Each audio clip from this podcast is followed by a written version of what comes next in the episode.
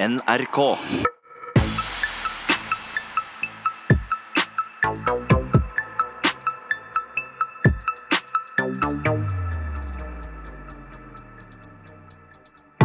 Oh la la! Denne sendingen kommer til å sparke hardere enn syretrippen jeg hadde oppe i skauen i Losby 1999.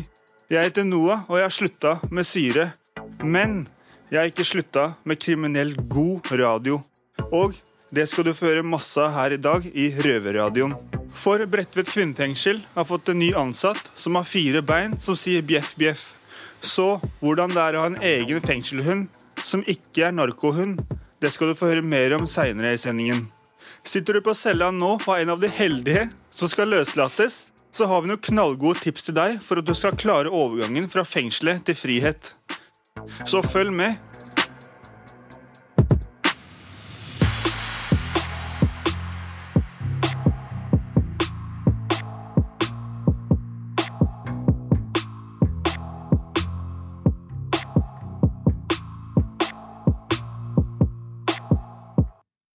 Hvorfor er det sånn at eh, de som er i fengsel er så aggressive at de hele tida må opp med neven og slå for hver minste filleting som skjer? Er det fordi de vil ha eh, dominans ved hjelp av fysisk vold? Jeg er Oskar, og jeg har med meg medinnsatt og hissigpropp eh, Alex. Du er jo ganske sinna og eksplosiv, er du ikke det? Jeg var, jeg var. Ja. Jeg var. Du, eh, du har sikkert noen eksempler på noen hendelser som har skjedd her i fengsel som eh, kanskje hadde blitt løst litt annerledes på utsida. Nei, det var en, eh, det var en kar som tok en kakebit for mye.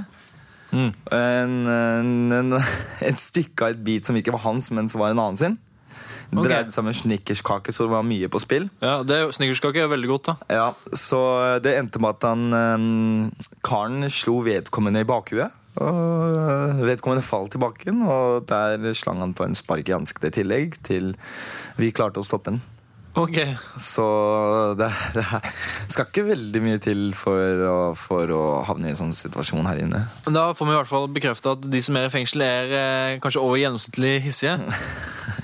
Ja, Du var jo litt inne på det, men hvorfor er det sånn at de innsatte er så bråhissige? Det jeg mener, er at det, det, når du først sitter i en fengsel, så, så har du veldig mye å bære på skuldra. Du, du tenker på utfallet av en dom. Eh, Det kan hende du sitter på en lang dom.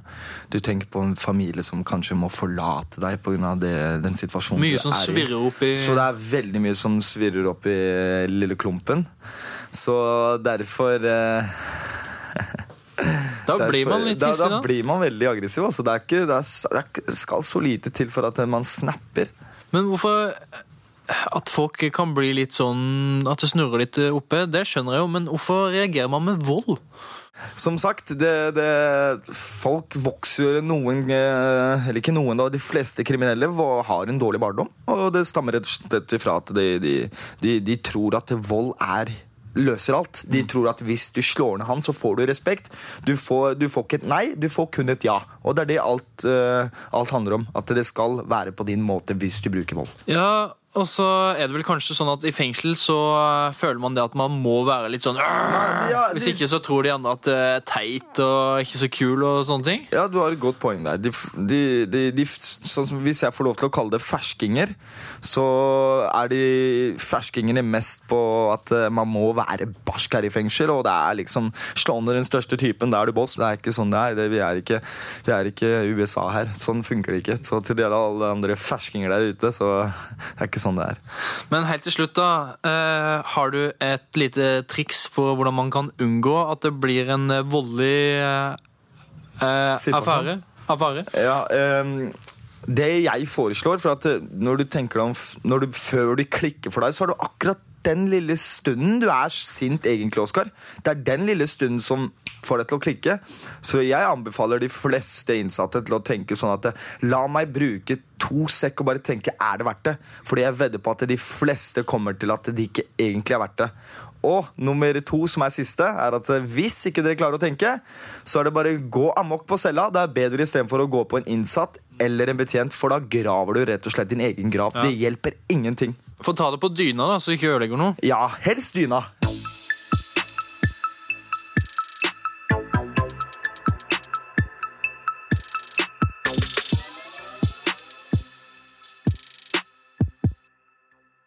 Det er ikke bare på hundekurs eh, eller når narkobikkja er her på Bredtvet fengsel og snuser på oss. Her eh, har jeg med meg eh, Gina, altmulig kvinne og superkvinne, kan man si, som har med seg sin, private hund Didi. Hei, Gina, og hei, Didi. Hvorfor har du med seg hund på, eh, på jobb? Jeg har eh, drevet med hund hele livet, og jeg jobber på Bredtvet. Eh, Jeg har holdt en del hundekurs for Nav før de vi har nå. Eh, Veldig opptatt av hund og hund og menneske. Kan du fortelle kort hvordan dere fikk det til at vi kan få den mulighet? Når jeg skulle ha ny valp nå, så tilbød jeg en hund til fengselet. Det jeg sendte til ledelsen med tilbud om at jeg kunne ha med meg min private hund, og at den kunne jobbe på Bredtvet på dagtid. Hvilken rase er det? Det, Didi er en jaktlabrador, og jeg valgte faktisk en labrador fordi jeg visste jeg skulle ha henne med her, og fordi det er en rase som veldig ofte er trygg sosialt, og det tenkte jeg var det aller viktigste. Eh, men jeg har sett eh, at du kommer med eh, Didi, eh, og så har henne i luftegården. Men du går med henne i bånd. Det er flere, kanskje av oss, som er reddhunder. Er det derfor? Ja, jeg vil eh, aldri at noen skal måtte forholde seg til Didi som ikke ønsker det. Hun skal kun være et positivt innslag i hverdagen, ikke noe som skaper redsel eller sykdom. Så jeg tenker at så lenge det er eh, innsatte der, og ansatte, som jeg ikke vet hva slags forhold har til hund, så vil jeg alltid ha henne i bånd. Jeg lurer på hvilken effekt tror du har nettopp dette at Didi kommer og hilser på oss, og den effekten som hun har på oss? Noe av det jeg tenker er veldig bra med hund, og en hund som er veldig trygg sosialt, er at den speiler det menneskene snakker med. Ja. Det betyr at hvis noen tuller med den, så er den med på lek og kan bli en avbrekk. Hvis noen er lei seg, så vil den være rolig, kose. Og den vil gi tilbake det du gir til hunden. Jeg lurer på, skal dette tilbudet til oss, for at det er et fantastisk tilbud eh, å kunne klappe en hund i fengsel, eh, varer lenge? Didi er ansatt på livstid, så så lenge hun ikke sier opp, så håper jeg at vi går av med pensjon omtrent samtidig. Eh, det høres veldig bra ut. Eh, men eh, helt til slutt, hva syns ledelsen i fengsel, eh, vår direktør Nils, om eh, dette og øvrige? Vi har jo vært, eh, Det er jo veldig heldig, ting blir jo veldig enkelt. For er det noen som er glad i Didi her på dette fengselet, så er det jo fengselslederen vår. Og hele resten av ledelsen. Det er en intern konkurranse om hvem hun er gladest i, og hvem som får gi henne godbiter. Så der har vi ingen utfordringer. Ja, det må jeg si, for at vi har sett at uh, vår direktør eh, springer med Didi i bånd. Så det høres veldig fint ut at hun kommer å fortsette. Og nå vil jeg bare si tusen takk for deg, og tusen takk for uh, Didi. Takk for oss. Gilap. takk. tusen takk. Innsatte i norske fengsler lager radio. Du hører Røverradioen i NRK P2. Du, Fredrik. Ja, Oskar.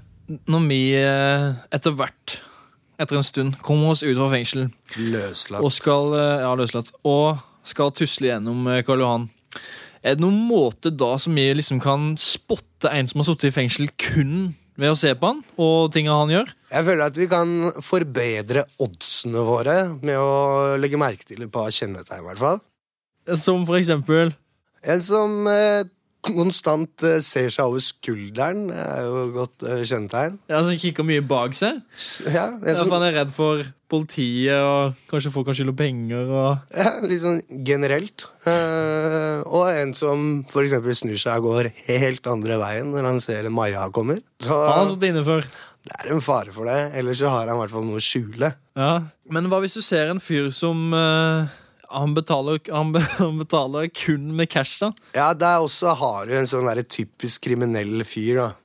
Kommer til kassa med tre kort, og to av dem er ikke hans sine, og det siste er jo Deichmans bibliotekkort, liksom. Ja. Og resten er kontanter. Hva med deg, Oskar? Hvordan spotter du en kriminell hvis du skal hjem til noen, for eksempel? Han skal hjem til noen. Ja, hvis du kommer hjem til noen og så skal spotte om han her er kriminell. Hvis jeg ser at det er mye reptiler der, slanger og sånt, da, da hadde jeg jo tenkt at han har sittet i fengsel før. For da, da selger han garantert speed. Speed og reptiler. Da har du sittet inne før, liksom. Men er du ikke enig, da? jo, jo. Altså, hvis han appåtil har tre mobiltelefoner uten kamera, fargeskjerm eller GPS, så føler jeg at da er du kategorien at du har sona et par dommer. For han er redd for, han er redd for å bli tracka og spora, tatt bilder og alt mulig. Ja, ikke sant? Redd for å få besøk av uh, onkel. Men altså, hva hvis du ser han, hvis du ser han går rydda, så ser du plutselig han svinger inn på Shangri-La? Eller Spice Shop. Ja. ja, Spice Shop og Shangri-La og Scorpius og Pentagon og sånn. Da da, da holder du i hvert fall på med noe kriminelt. Ja. Mest sannsynlig. Men altså, hvis du ser han, hvis du ser han med sånn ja, Du vet sånn eh, Du ser at det ikke, han er ikke noen spesielt uh, trent fyr. Men han har, han har joggedress, og han har den strøkne sykkelen. Det høres ut som eh, man spotter en speedfreaker på lang vei. Uh, Gasp-bukse, Botsen T-skjorte, altfor fet sykkel til hva han har råd til å kjøpe på butikken. Og over gjennomsnittet våken. Da vil jeg si at eh, Og, da, og slanger rundt halsen. og en reptil rundt halsen. Da er du mest sannsynlig eh, Mest sannsynlig kriminell. Ja, men vet du hva, da har vi fått rems, remse opp noen punkter, da. Og selvfølgelig, vi må jo nevne det at det er jo ikke det, ikke, det her er jo ikke, var jo ikke akkurat noen fasit på hvordan det egentlig er. Men Det er det, kan være sånn det av og til er.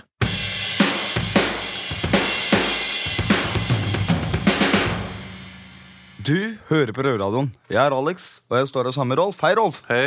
Gratulerer med dagen. Du har bursdag i dag. Takk for det. Hvordan føles det å ha bursdagen sin her i fengselet? Ja, det er kult, det. Uh, hadde en trivelig dag, og Hva har du gjort da? jeg har feira her på Røverradioen med kake og Var det koselig? Veldig koselig.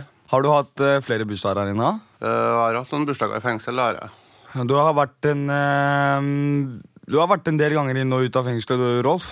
Har det. Halve livet mitt, iallfall. Ja, og Derfor tenkte jeg at vi kunne snakke om mer alvorlige ting enn bursdagen. Hvis Ja. vi legger bursdagen litt til siden, så kan vi prate om litt um, rus og barndom. Ja. Vi prater om eh, hvordan, man, eh, hvordan du møtte på rus, da, og hvor gammel du var da du møtte på rus første gang. Kan du fortelle litt om det? Det, det begynte med at jeg var hjemme til min mor, og så tok jeg hun på fersken inn på badet med at hun sto og røyka bøtte. Og så, så lurte jeg veldig på hva det, hva det var. da. Hvor gammel var du da? Jeg var syv år. Hva er bøtta? Bøtte er en 1,5-litersflaske som du har slått bunnen av, og så fyller du ei 10-litersbøtte med vann, og så putter du den oppi der, og så har du en koppnøkkel eller et skillium som du setter oppi på tuppen på bøtta, og så trekker du opp, da, og så Men hva slags eh, Er det dop, eller er det Det er hasj? Det er hasj, ja. hasj.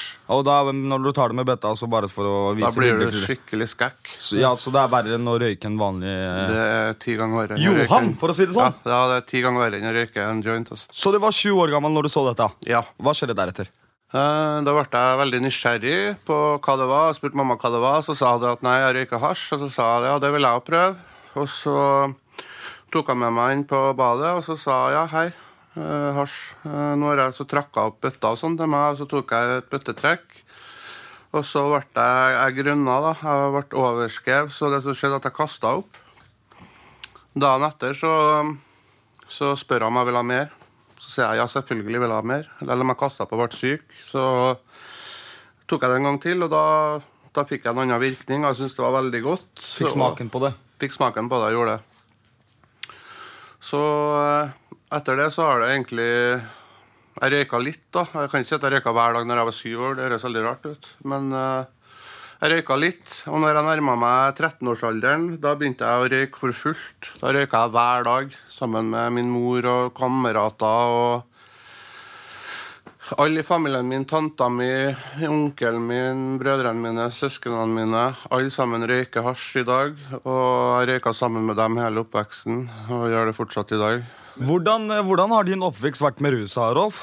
Var det det livet du så foran deg, liksom, med rus og sånne ting? Eller så du foran deg en, en lys fremtid med jobb og leilighet og fast inntekt? inntekt? jeg begynte vel å tenke litt på det når jeg nærma meg 15-16-årsalderen, at kanskje det var begynt å bli kjørt med, med framtida, for jeg var såpass inn i, i rusen.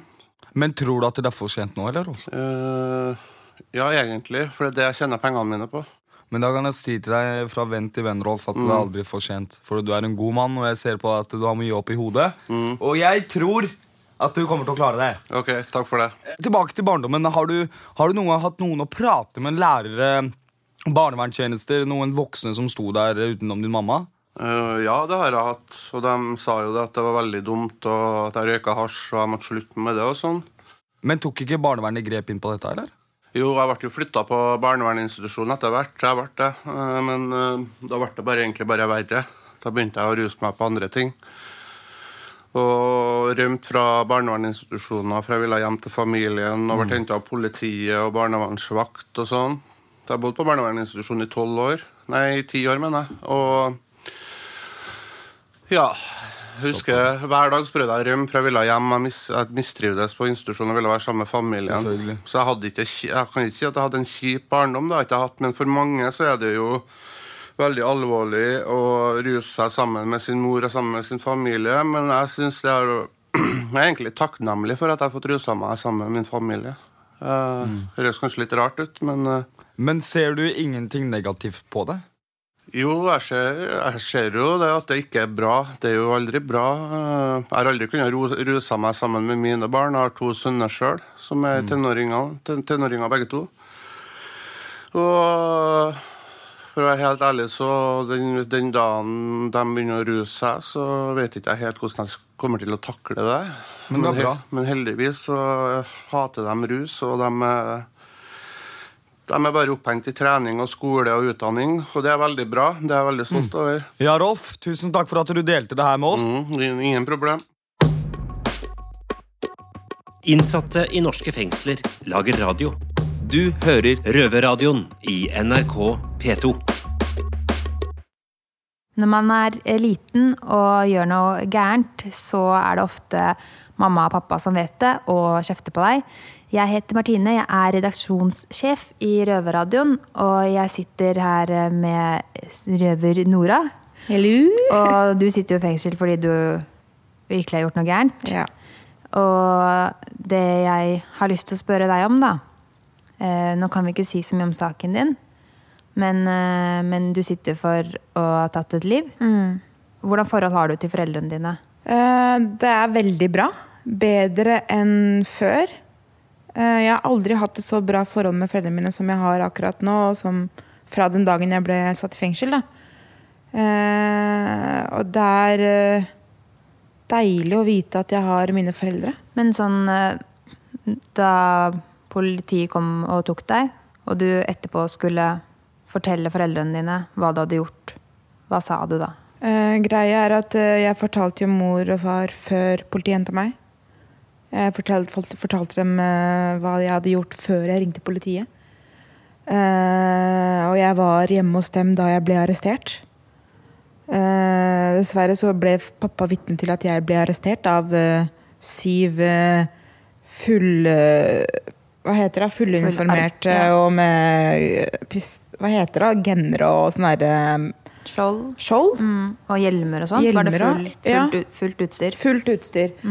Og jeg så bare hvordan pappa sank ned, trapp, ned på trappeoppgangen og bare holdt seg for hjertet. Det var vondt. Men da du fortalte det til de, eh, ringte du de? Var det det du sa? Det gjorde jeg. Jeg ringte jo dem først for å fortelle hva de har gjort. Eh, mamma trodde jeg drømte. Hun besvimte over telefonen eh, da pappa tok over og sa vi ringer det opp igjen. Og etter det så møtte jeg dem neste gang hjemme hos dem. Tenkte du på hva du skulle si til deg før du ringte for å fortelle det? Eh, nei, jeg eh, bare sa det rett ut. Uh, jeg forventa at uh, mamma eller pappa skulle spørre hvorfor det, hva har skjedd, hva greia, hva, hvordan skjedde dette her. De spørsmålene har faktisk ikke skjedd, kommet ennå. Hvorfor valgte du å ringe foreldrene dine før du ringte til politiet? Egentlig frykt for at jeg skulle bli arrestert før jeg fikk snakka med dem. For så aldri prate, og ikke prate med dem på flere uker, for jeg satt jo en hel måned i isolasjon. Og det gikk flere uker etter det før jeg fikk treffe foreldrene mine eh, med politiet til stede. da. Så du ringte de først, og så sa du rett ut hva som hadde skjedd. Og så sa de at de skulle ringe deg opp igjen. Ja. Hva sa de da de ringte deg opp igjen? da? De gjorde ikke det. De ringte deg ikke opp Nei, igjen? da, da rakk jeg å komme hjem til dem. Da dro du til de. Mm. Og gikk du rett inn døra da? Um, greia er at eh, jeg vil også uh, levere sønnen min hjemme hos dem. Mm. For jeg ville ikke at sønnen min skulle bli fratatt meg på en veldig hard måte. Altså fra barnevern og politi og alt det der. Jeg ville at han skulle være trygg når jeg ble arrestert. Så jeg rakk aldri å si noe til dem. Jeg bare kom med sønnen min hjem til foreldrene mine og ringte politiet med en gang. Mm. Men snakka ikke du med moren og faren din om hva som hadde skjedd da? Nei, ikke før eh, etter at jeg fikk lov Etter at jeg kom fra ut av brev- og besøkskontroll, da jeg fikk lov til å ringe mamma og pappa uten å ha kontrollerte telefoner eller Ja. Da fortalte jeg dem når de først kom på besøk. Men sånn som, eh, man, sånn som når man er liten og så gjør noe gærent, så syns man jo det er helt for, veldig sånn vanskelig å fortelle til foreldrene sine. Ja. Eh, og nå er du jo voksen og har gjort noe veldig alvorlig. Mm. Hvordan, hvordan føles det at foreldrene dine veit at du har gjort det du har gjort? For å si sånn, jeg føler ikke at det har vært eh, noe negativitet Altså noe negativt ved det, fordi de forstår hvorfor jeg gjorde det. De skjønner at det jeg gjorde, var den eneste utveien. Jeg, jeg føler ikke at de ser på meg og at de føler skam eller noe. Så derfor så føler jeg bra, meg bra når jeg snakker med dem, og jeg kan uten ha en sånn dårlig følelse ved at å, de føler seg skam med meg. Jeg har ikke den følelsen. Men sånn, selv om du vet at de ikke føler skam, hvordan føles, føles det for deg som datteren deres? Man vil jo liksom, Man vil jo være flinkest Mm. for foreldrene sine. Hvordan føles det for deg? Jeg føler det skam på min, fra min side. Det gjør jeg. Å ha en datter i fengsel. Og jeg har jo vokst opp med gode verdier og gode manerer og har fått alt jeg vil i hele, hele mitt liv. Men også ende opp med å sitte i fengsel i så lang tid. Det er litt skam ved det, Men føler du at du har svikta de? på en måte. Det har jeg. Av alle som du måtte fortelle hva du hadde gjort til, var det tøffest å si det til foreldrene dine? Nei. Um, brødrene mine. Eh, fordi liksom kom det derre uttrykket hvor at Hvorfor fortalte dere ikke til meg Hvorfor fortalte du ikke meg hvor, hva, hva du sleit med? Vi kunne hjelpe deg. Men det var min kamp. Så det var vanskeligst til dem, egentlig. Og ikke foreldrene mine. Det. Ja. Ja. Men hvorfor, hvorfor begynte du å gråte nå? Det er fortsatt hardt å snakke om det etter to år. Det gjør det uansett hvem jeg forteller til, så kommer følelsene. Tror du noen gang vil bli lettere for deg å snakke om? Aldri. Jeg veit at det vanskeligste eh, Det vans vanskeligste samtalen som er vanskelig, kommer til å være med min sønn når han blir stor.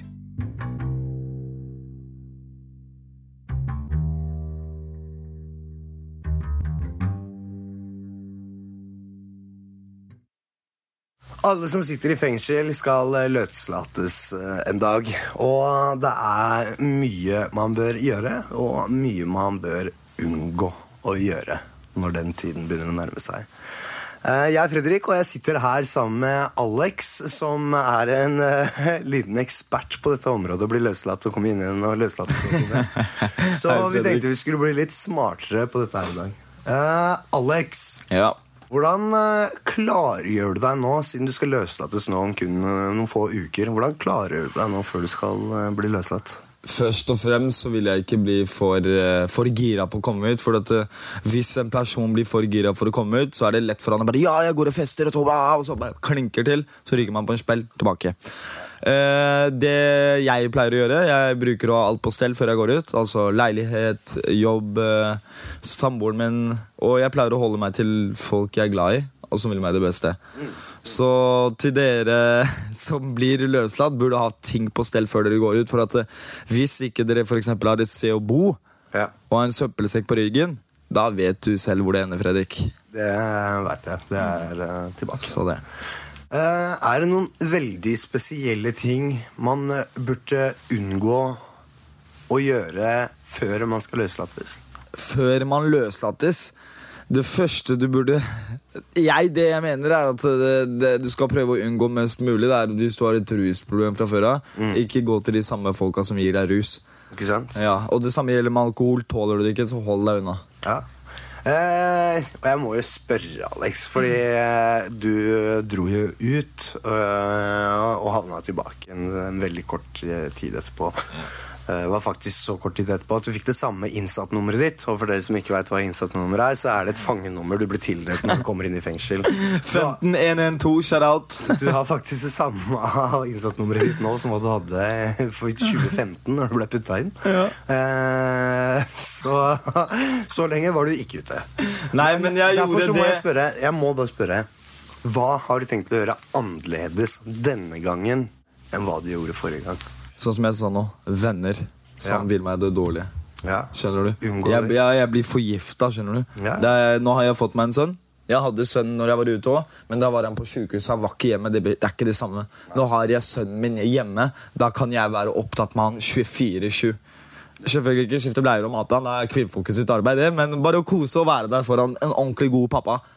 Og han gjør meg sterkere for hver dag som går, for at eh, han gir meg en grunn til å ikke komme inn igjen. For han elsker jeg mer enn noe annet. Men uh, nå som du har sittet her den gangen her uh, er det, er det, Føler du at du lærte noe når du kom inn igjen?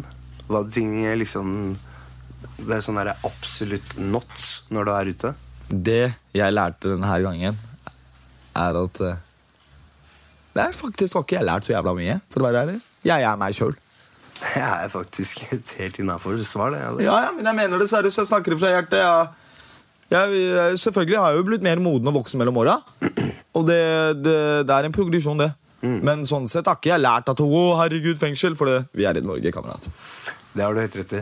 Eh, du skal jo løslates nå om noen eh, få uker, og jeg ønsker deg alltid alt godt, siden jeg er glad i deg, brorsan. Yes, takk for det. Jeg er glad i deg.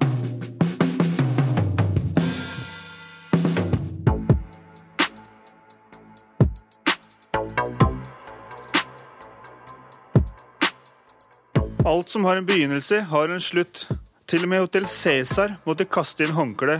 Røverradioen er ferdig for i dag, men vi er tilbake neste uke. Jeg er iallfall klar for min løslatelse når den tid kommer. Det var interessant å høre fra Alex, som har blitt en ekspert når det kommer til å slippe ut av fengsel. Gode tips der, altså, og de får du mer av om du fortsetter å høre på Røverradioen. Du hører oss hver lørdag 13.30 på NRK P2. Hater du radioer, kan du bruke internett. Da finner du oss som podkast der man finner podkast. Nå skal jeg tilbake på cella for å meditere og se på God kveld, Norge. Røverradioen er laga for og av innsatte i norske fengsler. Tilrettelagt for streitinger av Rubicon for NRK.